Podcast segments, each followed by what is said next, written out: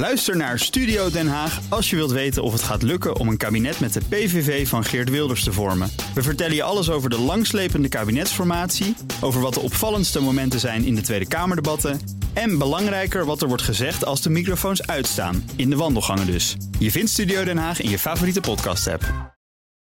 De column van Bernard Hammelburg. Je kunt eindeloos blijven kibbelen over de keuze tussen coronamaatregelen en de economie, maar eigenlijk is die discussie achterhaald.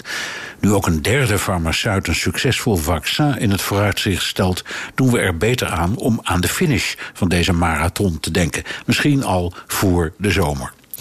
Na Pfizer en Moderna zegt ook AstraZeneca succes te hebben. Dat is het vaccin waarvan Hugo de Jonge in juni met collega's uit een paar andere EU-landen een kleine 400 miljoen doses inkocht. Goeie gok dus.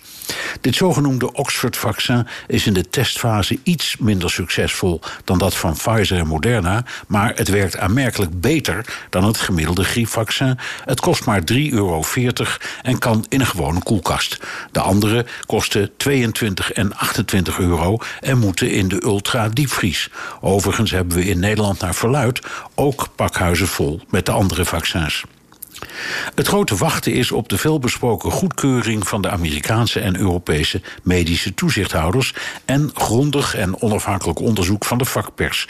Maar dit is een moment om nog eens te benadrukken dat er alle reden is voor optimisme. En dat is maar goed ook, want de rest van het coronanieuws is droevig. Het wordt steeds duidelijker dat er geen beleid valt te bedenken dat het aantal besmettingen naar beneden brengt zonder een min of meer volledige lockdown en dat een volledige in democratische landen onuitvoerbaar is. Zoiets kan alleen in een dictatuur of politiestaat door alle woningen aan de buitenkant af te sluiten. Hier in Amerika wordt de crisis met de dag gruwelijker.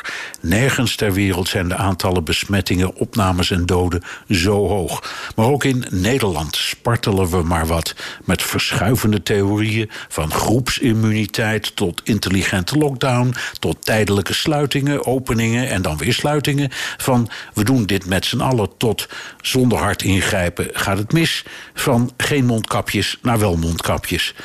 We hebben wel een management maar hoe een outbreak werkt, weten ze daar kennelijk ook niet. Tijd om het toe te geven: niemand heeft de oplossing behalve de wetenschap en de farmaceutische industrie. En die zijn er hopelijk uit. Nog ruim een half jaar doormodderen en dan zijn we er. Zullen we dat afspreken? Ook Hugo Reitsma vind je in de BNR-app. Superhandig die BNR-app. Je kunt alle programma's live luisteren, breaking nieuwsmeldingen. Je blijft op de hoogte van het laatste zakelijke nieuws. En je vindt er alle BNR-podcasts, waaronder natuurlijk de belangrijkste, Boeken zijn in de wijk.